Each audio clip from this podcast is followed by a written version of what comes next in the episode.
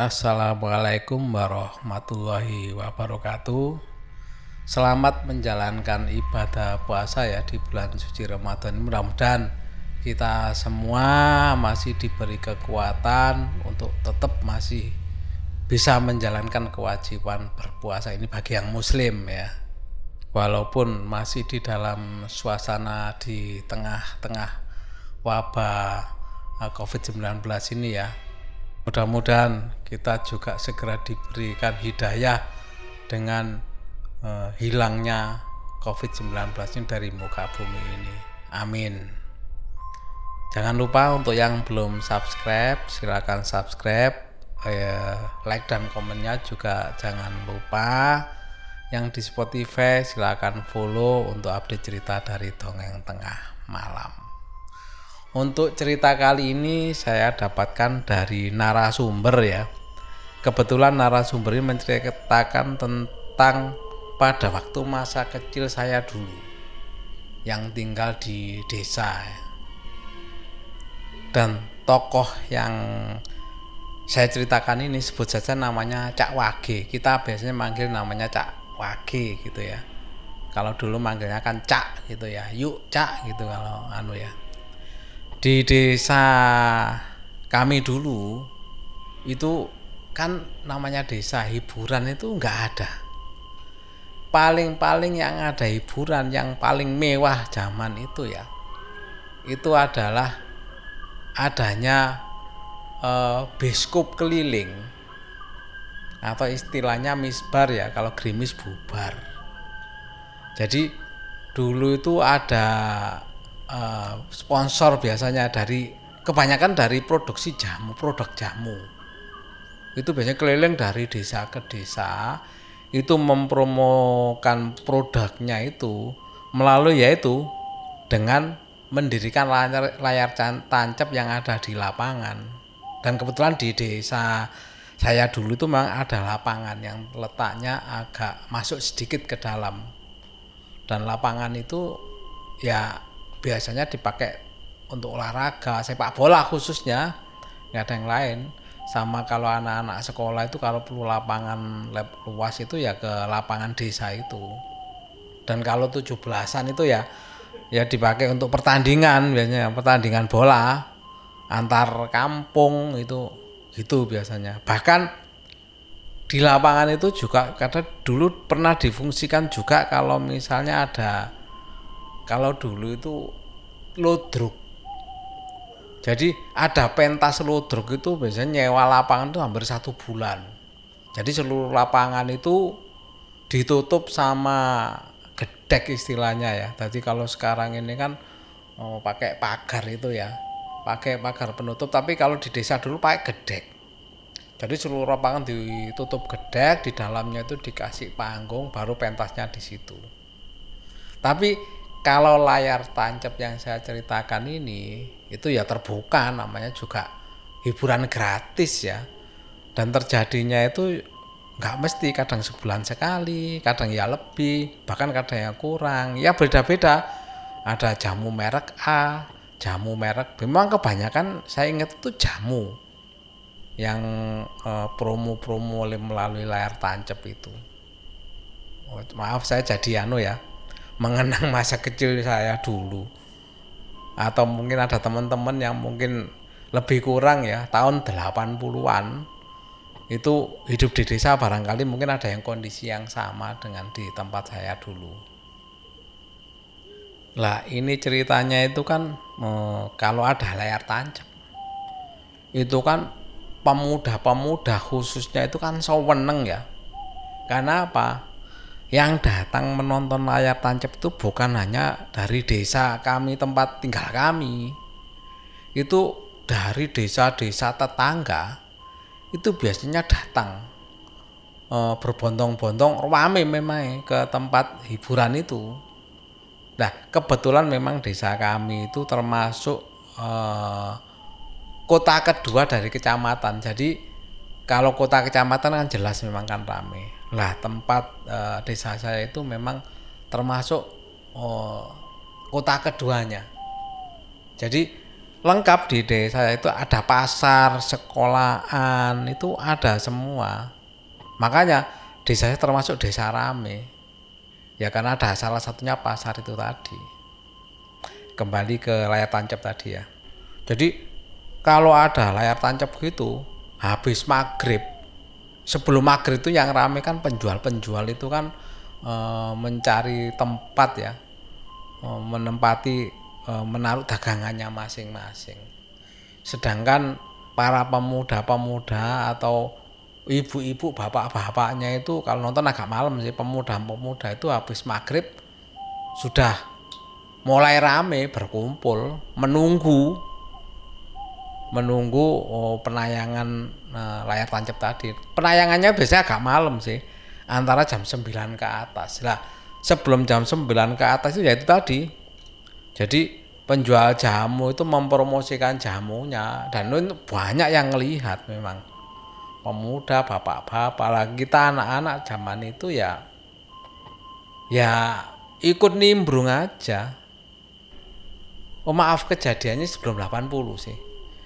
Sekitar tahun 75-an ya, sekitar tahun 75-an ini. Jadi namanya Cak Wage ini rumahnya itu memang kebetulan itu eh, berdampingan dengan lapangan. Jadi di belakang rumahnya Cak Wage nih kalau oh, jalan kaki ke belakang rumahnya itu itu kan rumahnya Cak Wage, belakangnya ada kebunnya Cak Wage, orang tuanya ya. Baru lapangan. Jadi batas kebunnya Cak Wage sama itu sudah lapangan belakangnya itu. Makanya Cak Wage kalau ada gitu ya mesti mesti hadir karena paling dekat rumahnya daripada rumah-rumah kita dulu.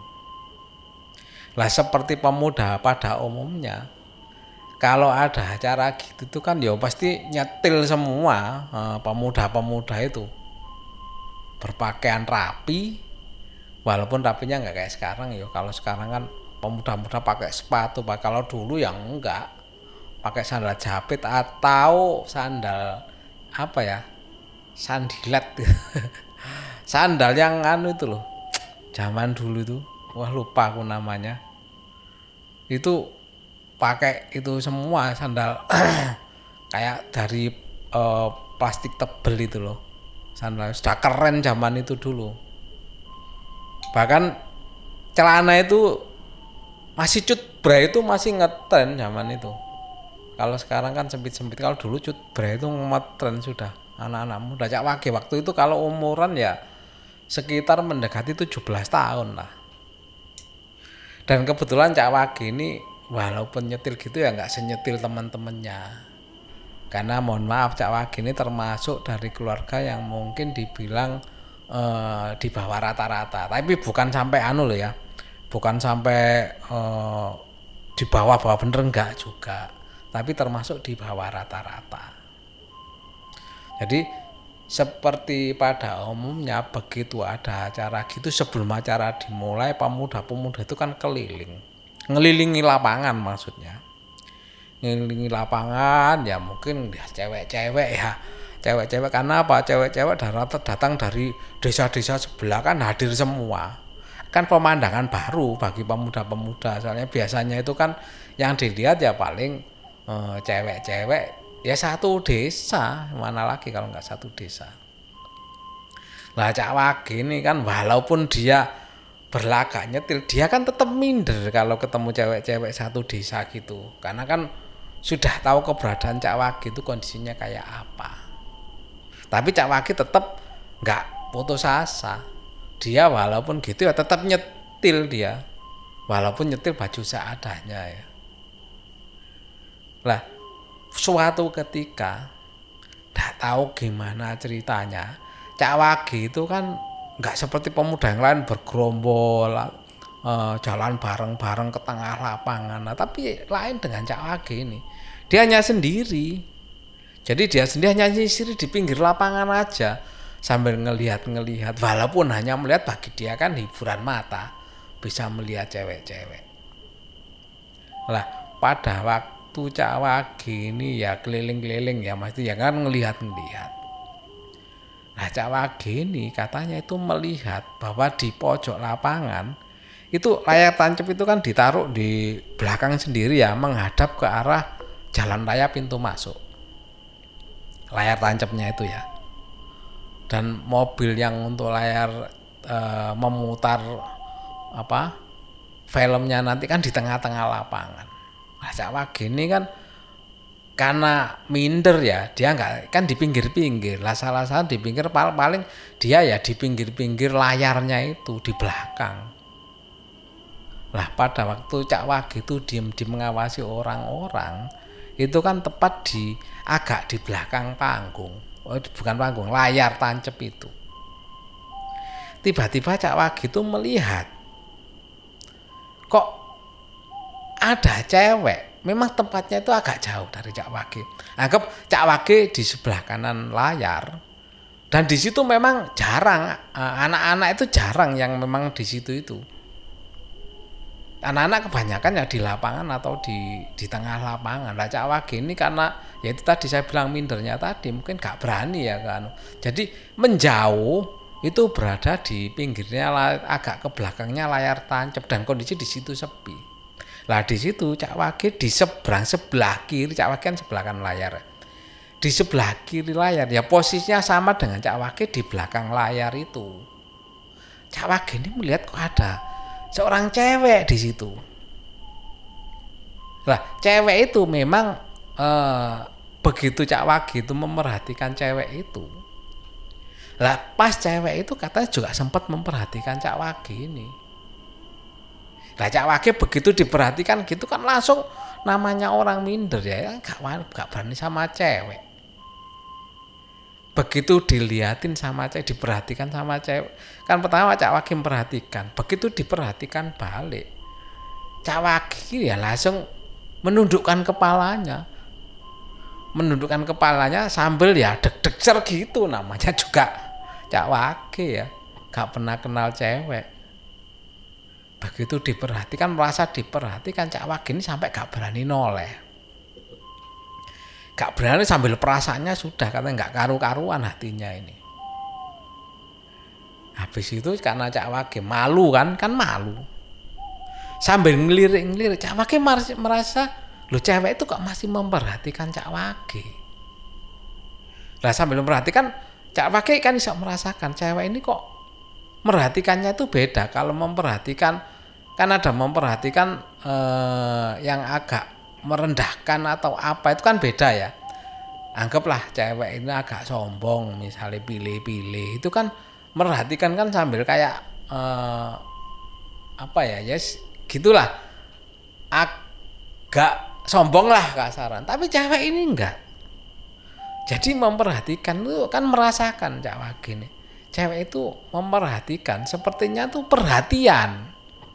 Jadi bukan merendahkan atau apa seperti perhatian sama Cak Wage. Dan itu terus Cak Wage merasa diperhatikan berapa lama sampai Cak Wage berapa kali itu melirik gak berani lagi melirik dia masih mau tapi Cak Wage gak berani. Tapi lama-lama kata Cak Wage mikir loh cewek ini kok memperhatikan terus. Apa boleh dalam batin Cak Wage? Apa mungkin Cak Wage bisa perkenalan sama cewek itu? Ya, Cak Wage antara maju dan mundur, takut dan minder, berani dan minder itu berperang dalam dirinya. Karena lama di situ, kalau waktu mungkin kata Cak Wage itu sudah setengah zaman ya Cak Wage berlagak seperti itu dan cewek itu juga sama berlagak seperti itu. Ya lama-lama Cak Wage akhirnya mencoba memberanikan diri mendekati tapi dasar cak wage walaupun mendekati ya gak kayak cowok zaman sekarang. Mendekati ya tabrak cepet-cepet ngobrol, tapi enggak dengan cak wage. Mendekati itu ya kalau ngomong jarak itu layar tuh kira-kira lebarnya itu mungkin ada 3 meter atau lebih ya lebar layar itu. Jadi jarak cak wage dari layar mungkin udah satu meter lah eh, dari pinggir layar. Begitu juga sama cewek itu lebih kurang sama lah ya. Jadi kalau dibilang anggaplah layar itu lebarnya 4 meter lah, 4 meter.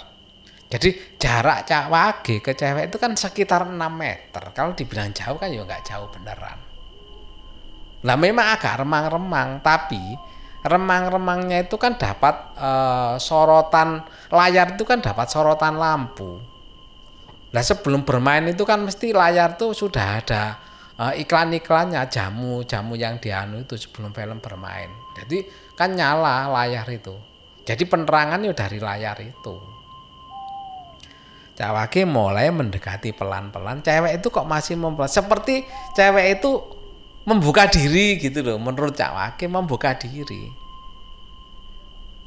ya sudah akhirnya Cak Wake pelan-pelan loh kok cewek itu masih memperhatikan. Bahkan cewek itu ternyata juga seperti malu-malu kucing sama-sama malu sama Cak Wake begitu diperhatikan Cak Wake semakin dekat. Lah cewek itu kayak kayaknya gimana ya? E, memperhatikan begitu dilihat Cak Wake itu seperti ya malu-malu kayak Cak Wake gitu. Jadi menundukkan kepala malu-malu gitu. Akhirnya keberanian muncul juga di diri Cak Wage. Cak Wage mendekati. Begitu mendekat, betapa deg-degsernya namanya Cak Wage ini. Ternyata katanya cewek itu cantik sekali. Dan bagi Cak Wage, tidak ada orang secantik itu di desanya, bahkan di desa sebelah-sebelah di mana Cak Wage pernah main ke desa sebelah-sebelah tidak tahu untuk cari kerja atau lagi disuruh siapa gitu ya kan mesti cak wage ya kalau ada cewek kan mesti yang memperhatikan namanya masih normal katanya cak wage kecantikannya sudah nggak ada yang mengalahkan bahkan dibilang bintang film pun nggak bisa mengalahkan kecantikan dari cewek itu akhirnya dengan deg-degan, dengan tangan gemetar, ngomongnya pun bibir itu sampai bergetar katanya Cak Wage. Nggak bisa, saking nggak bisa ngomongi, ngomongnya ya au au gitu. Tapi Cak Wage dengan kemauannya yang anu ya, yakinnya ngobrol, memperkenalkan diri sambil ya, ya saya juga sampai ketawa membayangkan ya jadi Cak Wage itu katanya mau bicara aja bibirnya sampai bergetar nggak bisa keluar omongan itu. Saking groginya dia melihat cewek cantik itu uh, memperhatikan Cak Wage dan sepertinya terbuka mau menerima Cak Wage, menerima perkenalan maksudnya. Akhirnya sambil plegak-pleguk ngomongnya itu Cak Wage memperkenalkan diri. Dan cewek itu juga memperkenalkan diri. Akhirnya berkenalan lah Cak Wage. Awal-awalnya ya ya nggak ada omongan. Yang ngomong uh, sekali sekecap dua kecap diem saling menundukkan kepala. Ya itulah ciri cewek cowok zaman dulu ya nggak nggak gaprak gaprak ah ndak. Sampai itu berlangsung lama kata Cak Wage. Sampai lama berlangsung itu. Itu kalau dibilang jam itu Cak Wage itu mulai jam 8 bisa mendekati cewek itu sempat ngomong pelegak pelegu itu. Itu sampai penayangan film itu jam 9 lebih. Jadi hampir sat eh, hampir lebih dari satu jam Cak Wage itu hanya ngomong sekecap dua kecap menundukkan kepala sekecap dua kecap menundukkan kepala. Sampai lah satu jam lebih itulah mulai ada interaksi yang lumayan lah nyambung. Jadi Cak Wage menanyakan eh, apa namanya juga akhirnya dikasih tahu rumahnya di mana ya cuma bilang di sana gitu aja rumahnya. Nggak bilang rumahnya di desa apa nggak bilang kata Wage tapi bagi Cak Wage nggak masalah rumahnya di mana oh, ceweknya cantik kayak gitu katanya siapa yang nggak tertarik. Apalagi dengan Cak Wage yang kondisinya kayak gitu dia mau menerima perkenalan itu kan sesuatu banget bagi Cak Wage akhirnya perkenalan pertama dan dilanjut kata Cak Wage eh, kapan nanti bisa ketemu lagi. Bahkan cewek itu juga menyanggupi menyanggupi besok malam katanya juga mau diajak ketemuan lagi. Dan tahu tempatnya cewek itu. Ternyata cewek hanya bilang ketemu di sini saja. Jadi di tempat itu di lapangan itu. Lah karena cak wakil rumahnya kan dekat situ. Tanpa pikir panjang ya langsung he langsung iya. Akhirnya sampai uh, film yang diputar di layar tancap selesai akhirnya ya bubar sama-sama pamitan. Cewek itu ya katanya ditunggu sama temennya. Lah nggak tahu di mana temennya tapi kok waktu itu Wage ngeliat sendirian. Ya sudah akhirnya uh, berpisahlah hari itu sama Cak Wage semalam Cak Wage nggak bisa tidur bayangkan ketemu cewek secantik itu mana bisa tidur ya? Apalagi nggak pernah kenal sama cewek. Sampai nggak bisa tidur sampai pagi. Menunggu cepet-cepet malam. Dan janjiannya ya seperti eh, kemarin. Ya malam nanti malam. Kan ini besok harinya. Katanya nanti malam mau janjian. Nah, akhirnya malam pun tiba. Cak Wage dengan kondisi gelap-gelap tahun segitu kan nggak ada listrik ya. Ya gelap-gelap gitu. Cak Wage akhirnya menemui cewek itu. Bener ternyata sudah ditunggu sama cewek itu betapa bahagianya Cak Wage. Ternyata cewek cewek itu menunggu. Dan Cak Wage pada waktu itu nggak punya pikiran apa-apa. Walaupun kondisi gelap kayak gitu ketemuan di situ ya seneng aja Cak Wage. Sampai eh, akhirnya ketemuan kedua ya. Ya berjalan lancar Cak Wage mulai memberanikan diri. Mulai uh, maksudnya sudah ada mulai nyambung lah percakapan bahkan sampai uh, guyon-guyonannya pun mulai nyambung. Sampai hari itu selesai pertemuan dan ternyata pertemuan itu nggak sampai sekali dua kali itu sampai suatu ketika kata Cak Wage itu pertemuan mungkin keenam kalau nggak salah katanya. Dan tempatnya tetap di situ. Jadi nggak nggak berpindah. Tempatnya di lapangan itu. Dan ketemunya mesti malam antara sekitar jam 9 dan jam segitu ya nggak ada orang yang tahu namanya lapangan. Apalagi lapangan itu yang paling belakang sendiri. Bukan yang di pinggir jalan raya. Jadi nggak nggak banyak orang yang memperhatikan. Sampai di pertemuan ke-6 itu Cak Wage itu kan janjian sama di seperti itu. Ya bukan tiap hari ya. Ya waktu itu kan dari ketemu pertama ketemu kedua terus katanya Cak Wage dua hari lagi atau tiga hari lagi baru ketemuan. Seperti itu. Jadi kayak normal gitu.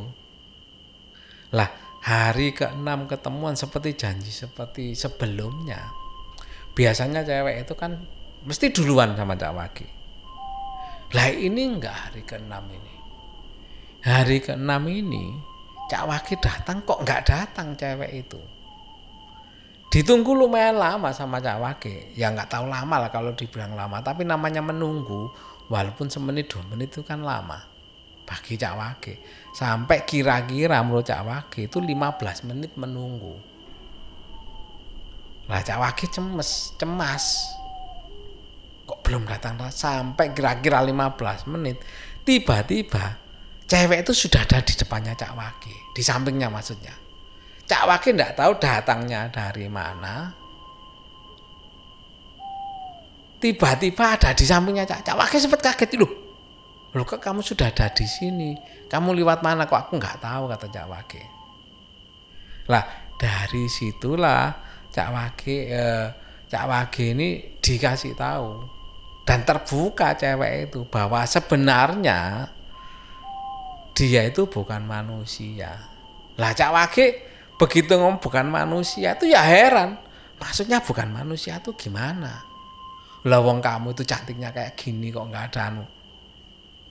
Jadi cewek itu bilang saya ini bukan manusia. Jadi dia itu sejenis tidak tahu jin atau setan cawake yang pasti tidak tahu waktu itu. Dan cewek itu terus terang sama cawake bahwa cewek itu sebenarnya pingin dipersunting cawake tapi nggak tahu apa cewek itu berterus terang sama cewek bahwa dirinya itu bukan manusia pada umumnya tapi dia bisa berbentuk kayak manusia.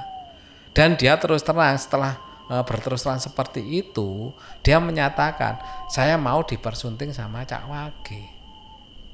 Lah mendengar itu Cak Wage antara percaya dan tidak percaya. Kenapa? Oh dia bukan manusia. Lah Cak Wage sempat berpikir juga dibilang gitu bukan manusia. Ya mungkin juga saya tadi nggak tahu datangnya katanya. Tiba-tiba ada di samping saya. Dan Cak Wage karena soknya itu nggak nggak bisa ngasih jawaban. Akhirnya sudah akhirnya sudah. Waktu itu Cak Wage nggak ada janjian kapan mau ketemu lagi karena masih sok Cak Wage akhirnya pulang. Sempat memikirkan tuh sampai dua hari dua malam Cak Wage memikirkan maksudnya bukan manusia itu apa sampai suatu ketika tiga hari setelah pertemuan Cak Wage kan lagi di kamar. Habis dua hari sudah mulai agak tenang Cak Wage. Cak Wage itu ada di kamar katanya sendirian dan malam-malam kan semuanya sudah tidur keluarganya. Rumah kan sudah dikunci semua. Lah tiba-tiba cewek itu waktu Cak Wage lagi antara mau tidur ya, jadi belum tidur sepenuhnya. Mau tidur sudah sudah di uh, amben ya istilahnya. Sudah di tempat tidur, bukan tidur. Tiba-tiba cewek itu datang di kamarnya Cak Wage. Begitu menoleh Cak Wage, betapa kagetnya Cak Wage. Loh, kok dia ada di kamarnya Cak Wage? Cak Wage heran waktu kamu kok bisa masuk. Makanya akhirnya cewek itu bilang, makanya sudah saya bilang bahwa saya ini bukan manusia. Saya bisa datang kapan pun selama kamu panggil katanya gitu.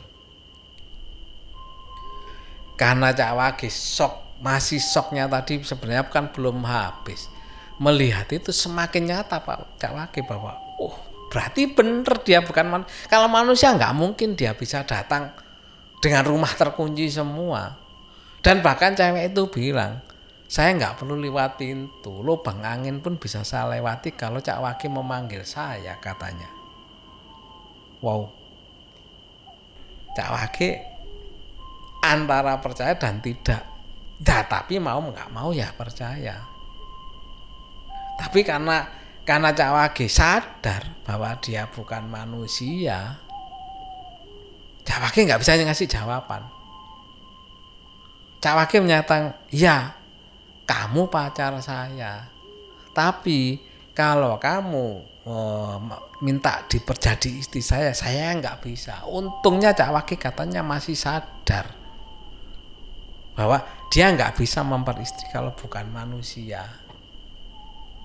Kalau jadi pacarnya Cak Wage oke okay, nggak maaf nggak apa-apa. Tapi saya nggak mau jadi suamimu. Nggak bisa dunianya berbeda katanya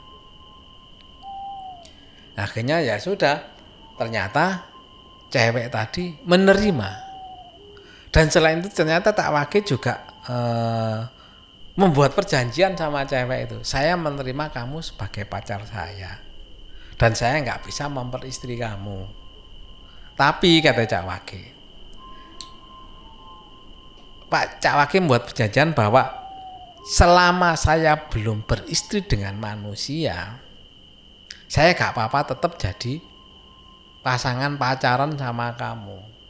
Karena cewek ini katanya bener-bener cinta mati ke sana, cinta banget sama Cak Wage, dikejar-kejar lah istilah Cak Wage ini.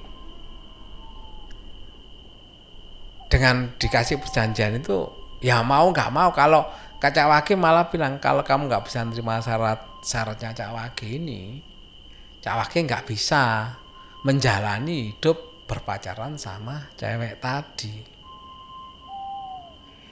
Karena ancaman Cak Wage sebut karena mungkin ya ceweknya ini yang dari tidak tahu jin atau apa itu ya kata Cak Wage. Mau nggak mau menerima dengan perjanjian itu dan sama-sama setuju. Akhirnya Cak Wage yang menjalani akhirnya menjalani kehidupan seperti itu. Bahkan bahkan Cak Wage itu sempet juga. Jadi Cak Wage itu sempet jadi setengah orang pintar dalam artian gini loh setengah orang pintar Cak Wage itu bisa menurut tidak tahu katanya mungkin dari bisikan itu jadi awalnya itu ada temennya ada temennya itu oh, kehilangan barang kecurian lah dari rumahnya itu kecurian. Mendengar-dengar itu kan rame di kampung ada pencuri ya. Nah, suatu ketika tidak tahu kenapa tiba-tiba orang yang kecurian tadi ketemu Cak Wage. dan Cak Wage dibilangi ge ge aku mari kemalingan ge. Oh, maksudnya saya habis dari kemalingan. E, orang itu cerita sama Cak Wage. Nah Cak Wage bilang Cak Wage enggak tahu dapat bisikan atau apa. Katanya sih katanya dapat bisikan dari ya ya ceweknya tadi. Bahwa pencurinya itu tidak jauh dari rumahnya Cak Wage. Eh maaf dari rumah orang yang ke kemalingan tadi. Cak Wage bilang coba sih eh, anggap aja namanya Pak H ya.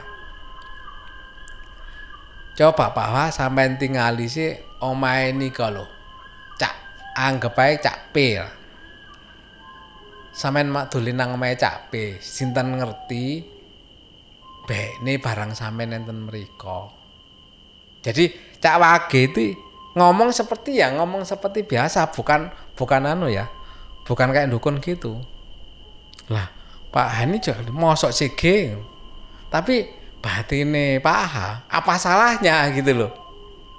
Akhirnya informasinya Pak H ini memang main ke tempatnya Cabe sebenarnya bukan menuduh ya Pak Pak H ini. Cuma iseng-iseng aja.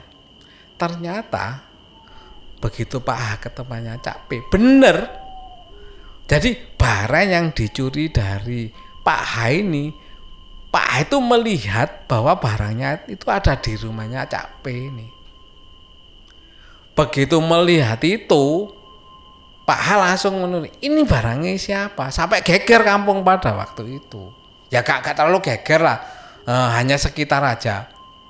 Sampai Cak ini karena e, ketahuan ya, akhirnya minta maaf, minta maaf dan ternyata bener barangnya ini diambil Cak dan semenjak itu semenjak itu namanya Cak Cak Wage ini dari mulut ke mulut itu orang jadi terkenal gitu loh oh Cak Wage punya kemampuan katanya gitu.